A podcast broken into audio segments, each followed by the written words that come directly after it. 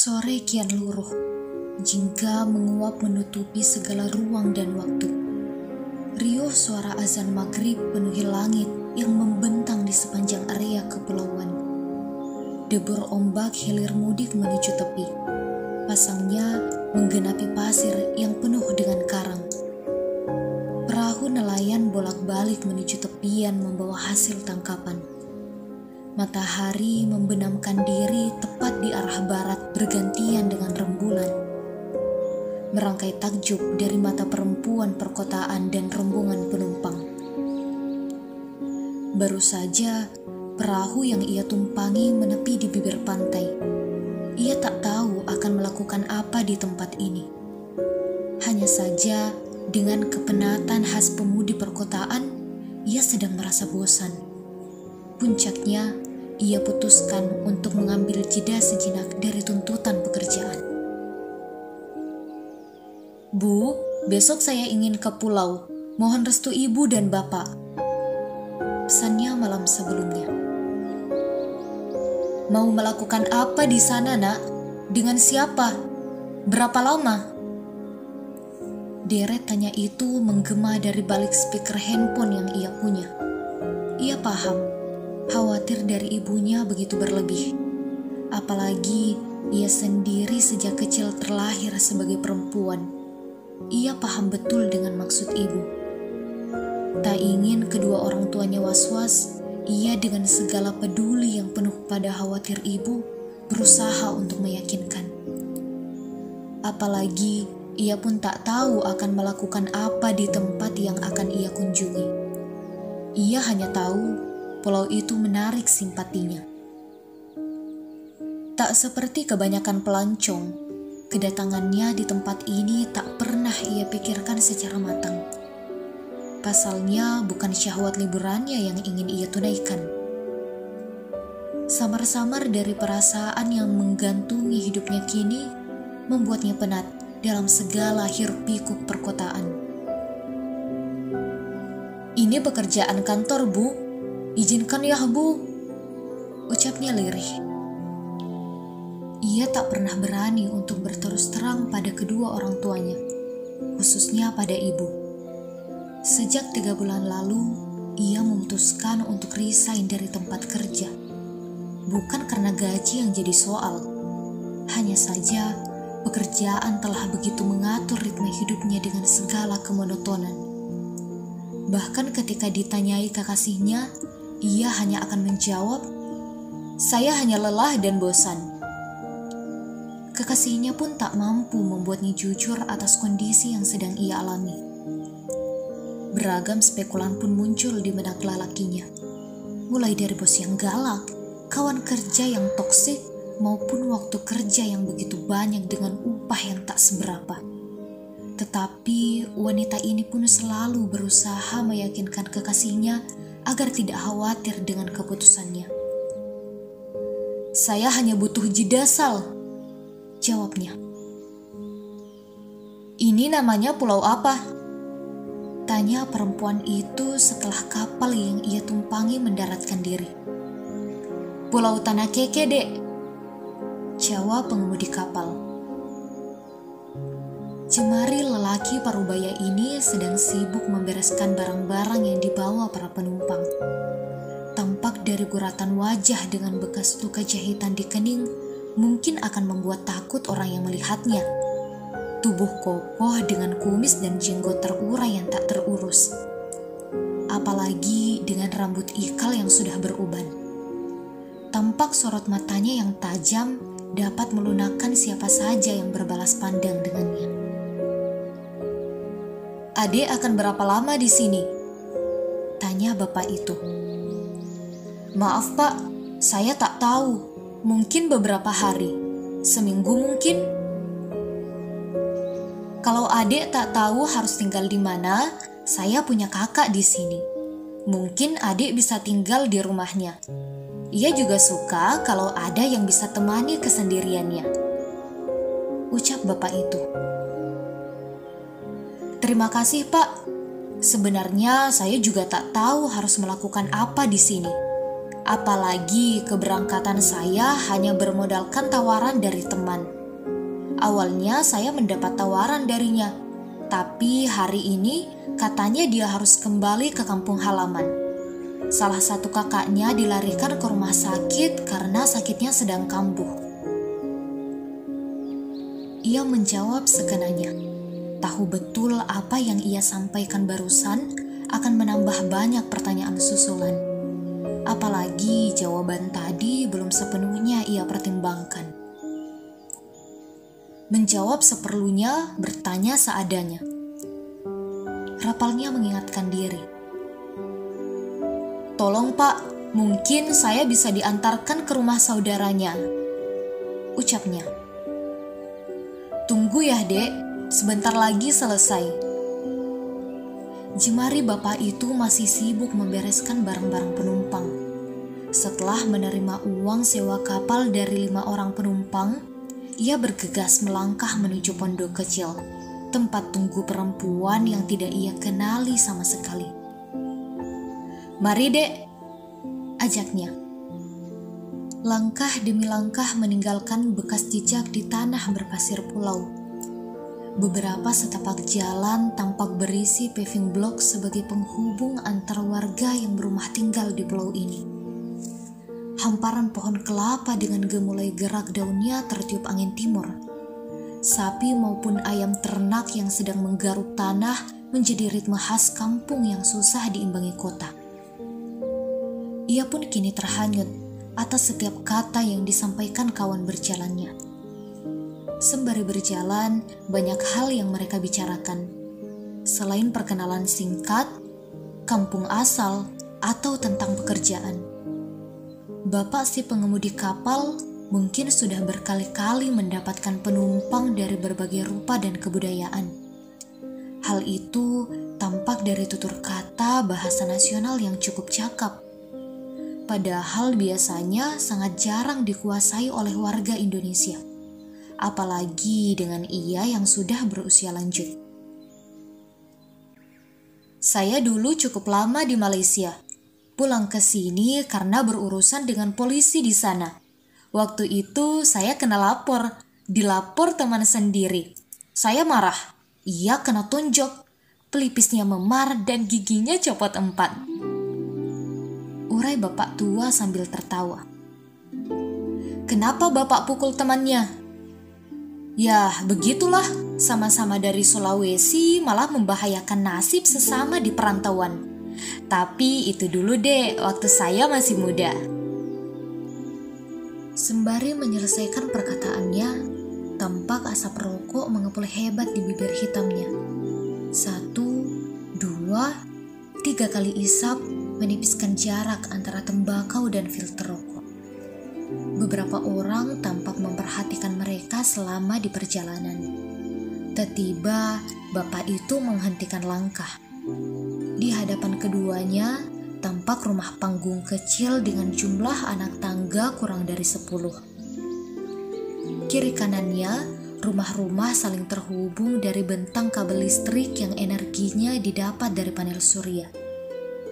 Perempuan tadi berusaha mengingat informasi yang dibagikan oleh bapak si pengemudi kapal. Hayati, Hayati, Hayati, teriak sang bapak pada penghuni rumah. Lamunan perempuan tadi tersita perbincangan dua orang tua di hadapannya. Ia masih berusaha menggali maksud obrolan keduanya yang sedang berdialek daerah. Tak berselang lama, Hayati, sang pemilik rumah mengisyaratkan ajakan padanya untuk naik ke atas rumah. Sebelum naik, ia berterima kasih dengan si bapak atas bantuannya. Ia pun menaiki anak tangga satu persatu, berusaha mengikuti Hayati dari belakang. Ia pun dipersilahkan menaruh tas bawaannya di atas ranjang yang berada persis di ruang tamu. Namanya siapa nak? Ucap Hayati. Nama saya Ica, dari kota M. Maaf karena harus menyulitkan nenek. Eh, maaf, Saya mungkin akan senang kalau ibu tidak menolak bila saya panggil nenek. Pintanya. Tidak apa nak, saya juga sudah tua kan? Hayati lantas tertawa. Mendengar itu, Ica tersipu. Terdapat tiga lemari yang saling himpit berada persis di sisi tengah rumah. Menurut Hayati, ia sengaja meletakkan posisi lemarinya di situ agar ada dinding pemisah antara ruang tamu dan dapur. Baginya, rumahnya sudah sangat nyaman untuk tinggal meski terbilang kecil. Apalagi setelah suaminya dikebumikan rentang waktu 1970-an. Sejak saat itu, ia tinggal di atas area lahan seluas 20 kali 7 meter yang dibelinya sekitar 7 jutaan. Meskipun pernah tinggal berdagang dan menetap lama di kota M bersama sang suami. Baginya, tempat ternyaman untuk pulang adalah tanah kelahiran. Apalagi setelah menjanda di usia yang masih terbilang muda, ia putuskan untuk tidak membagi cinta dengan lelaki mana pun. Meskipun dari pengakuannya, sebanyak lima pria yang saat itu meminangnya untuk menjadi istri tetapi ia menolak dan memilih menjanda dan tinggal seorang diri. Setelah beberapa waktu saling berbagi kisah, tak terasa malam kian temaram. Bintang gemintang tampak acak di atas langit pulau. Cahaya rembulan ikut mengundang suara jangkrik yang saling sahut menyahut satu sama lain. Suara perut lapar Ica menggumam memberi jeda obrolan yang dilakukan dua perempuan malam itu. Hayati pun berdiri dari duduk yang sejak pukul tujuh tadi ia lakoni. Gerak langkahnya bolak-balik membawahi perabot makan berisi lauk pauk. Setelahnya, Ica dipersilahkan untuk mencicipi kerang yang terasa lengkap bercampur kelapa parut. Selain itu, Ica begitu lahap menyantap kepiting rebus yang tersaji. Tak lupa untuk memberi sensasi rasa berbeda, Hayati menyediakan tumisan sambal berbahan dasar cabai. Saking lahapnya, Ica beberapa kali meminta untuk menambah nasi. Hayati pun senang. Perempuan remaja di hadapannya menyukai buah tangannya. Silahkan nak, jangan malu-malu. Kalau malu di kampung orang, bisa saja kita akan mati. Pesan Hayati. Setelah obrolan panjang, kedua perempuan ini menutup malam. Seisi pulau digenapi cahaya bulan. Aliran listrik dari mesin diesel baru saja dimatikan. Tepat pukul 10, Hayati memberi tugas pada Ica untuk menyalakan pelita dengan korek api suara jangkrik, suara daun pohon yang dihempas angin timur, riuh suara debur ombak pasang mengisi rongga telinga Ica. Dua bola matanya masih sibuk mengamati api pelita.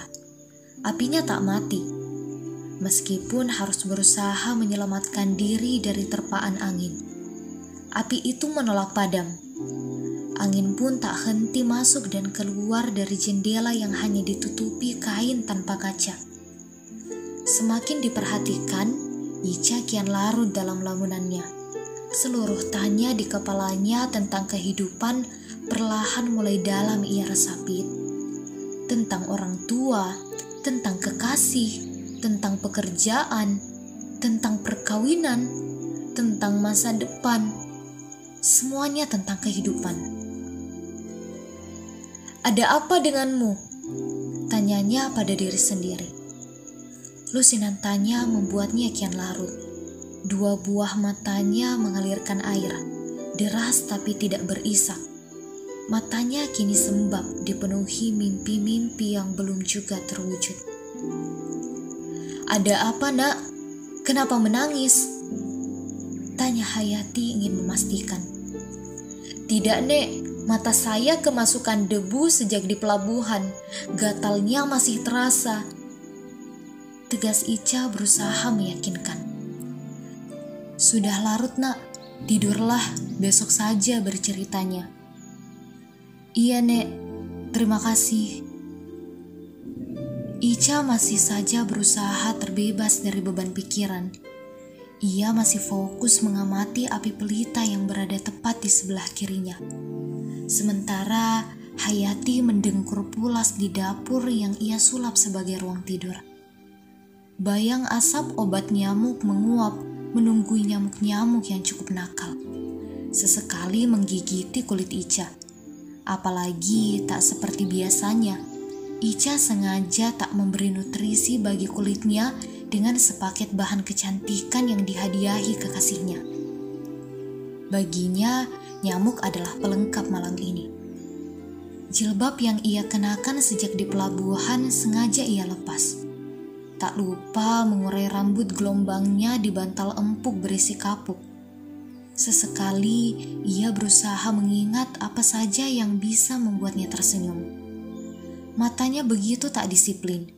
Berkali-kali ditahan, air matanya masih terus mengalir di pipi. Ica tak tahu harus melakukan apa. Tak ingin memberi kabar dengan siapa pun. Sudah berjam-jam terlewatkan. Ica belum bisa tidur karena pikiran yang tak kunjung tunduk. Berkali-kali ia memaksa diri. Semakin dipaksa, pikirannya kian mengurai banyak hal. Tak tahu harus berbuat apa. Ia putuskan untuk mengambil obat tidur yang dibawanya. Setelah meminum obat, pukul setengah empat subuh, ia kembali berbaring persis menghadapkan pandang dengan pelita. Meski telah berjam-jam, apinya tak kunjung padam. Ica masih berusaha mengurai maksud dunia. Maksud kedua matanya yang tak henti mengamati api maksud pikirannya yang belum bisa beristirahat, maksud jejak langkah yang mengantarnya ke pulau. Semuanya rumit, semuanya membingungkan, semuanya, semuanya. Pukul sembilan pagi, Ica terbangun. Baru saja ia terbangun karena tawa dan obrolan pagi yang sedang berlangsung tepat di bawah rumah Hayati.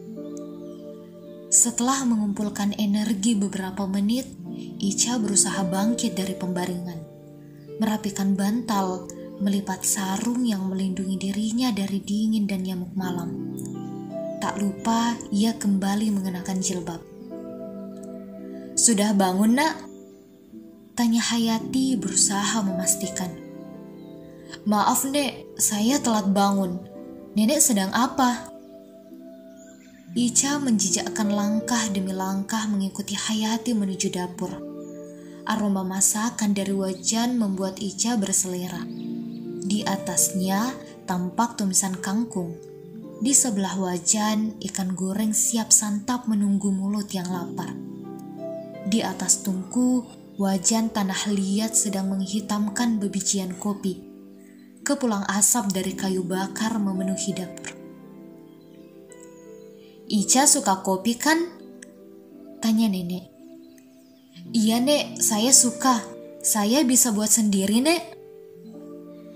Tidak usah nak, saya sudah sediakan kopi buatan khas racikan orang tua. Ica harus coba. Larang nenek disertai tawa keduanya. Kopi khas cap asum untuk Ica yang suka sedih. Tawar nenek dengan nada yang bercanda. Coba ya, semoga rasa kopinya pas denganmu. Lanjutnya. Setelah memberi komentar untuk kopi berasa khas buatan Hayati, Ica melanjutkan obrolan panjang dengannya. Pagi ini banyak hal yang keduanya bincangkan tentang asal-usul Hayati, tentang pilihan tinggal di pulau, tentang peninggalan Belanda berupa meriam, tentang masa muda Hayati, juga tentang pertemuan suami dengan dirinya. Ica larut dalam obrolan itu. Sesekali Hayati harus meraih kain daster yang dikenakannya untuk mengelap air mata. Entah karena kepulan asap atau karena renungan panjang yang membuatnya ingat pada kenangan bersama suami. Ica hanya bisa bersyukur jejak langkah mengantar dirinya bertemu dengan Hayati Sosok perempuan yang di masa muda hingga tuanya harus ia lewatkan seorang diri. Sosok yang hebat karena dapat melakukan segala hal meskipun tinggal seorang diri. Sosok perempuan mandiri yang menahan diri dari belas kasih laki-laki. Sosok tangguh yang tidak menunggu dikasihani. Bagi Hayati, hidup harus disyukuri. Seperti namanya, Hayati mungkin berarti menghayati hidup.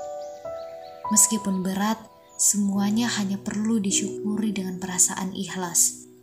Tuhan tahu apa yang dilakukannya pada ciptaannya. Tugas manusia hanya perlu berusaha, entah hanya untuk sekedar melanjutkan hidup atau setidaknya dapat berguna bagi manusia lain. Pesan-pesan ini begitu berbekas di relung hati Ica ia berusaha mengurai maksud dan rentetan kata per kata yang disampaikan Hayati. Meskipun dengan tutur kata Hayati yang kerap kali bercampur dialek daerah dan berbahasa nasional. Bagi Ica, semua ini bukan masalah. Ia hanya perlu menuliskan dengan alat rekam, berupa pikiran yang berisi kenangan sejuta makna yang ia dapatkan. Jadi, apa masalahmu, Nak? Tanya itu tiba-tiba mendiamkan Ica, membuat Ica harus berpikir keras untuk menjawab pertanyaan Hayati. Apalagi dengan kehadirannya yang datang secara tiba-tiba dan minim rencana. Ia pun sendiri tak tahu apa yang akan dilakukan di pulau saat ini. Sedikit memberi jeda dan merasa yakin dengan jawaban yang telah Ica pikirkan secara matang. Saya tidak tahu, Nek, ucapnya lirih. Hanya saja nenek memberitahu pada saya bagaimana menjadi seorang perempuan. Terima kasih. Sambungnya.